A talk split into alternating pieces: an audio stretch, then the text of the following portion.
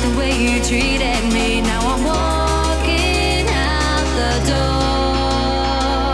Just give me strength to stop me falling, stop me falling into you. Feels like holding on forever, and there's nothing I can do. Just give me strength to stop me falling.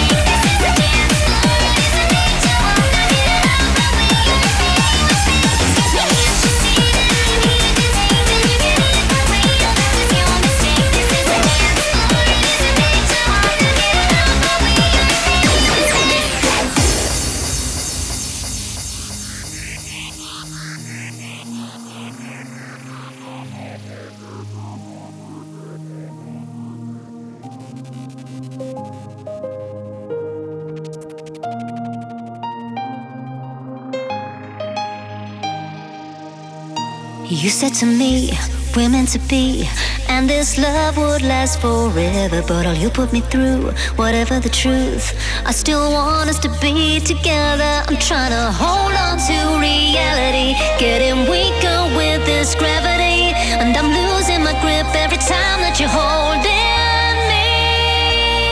I'm falling.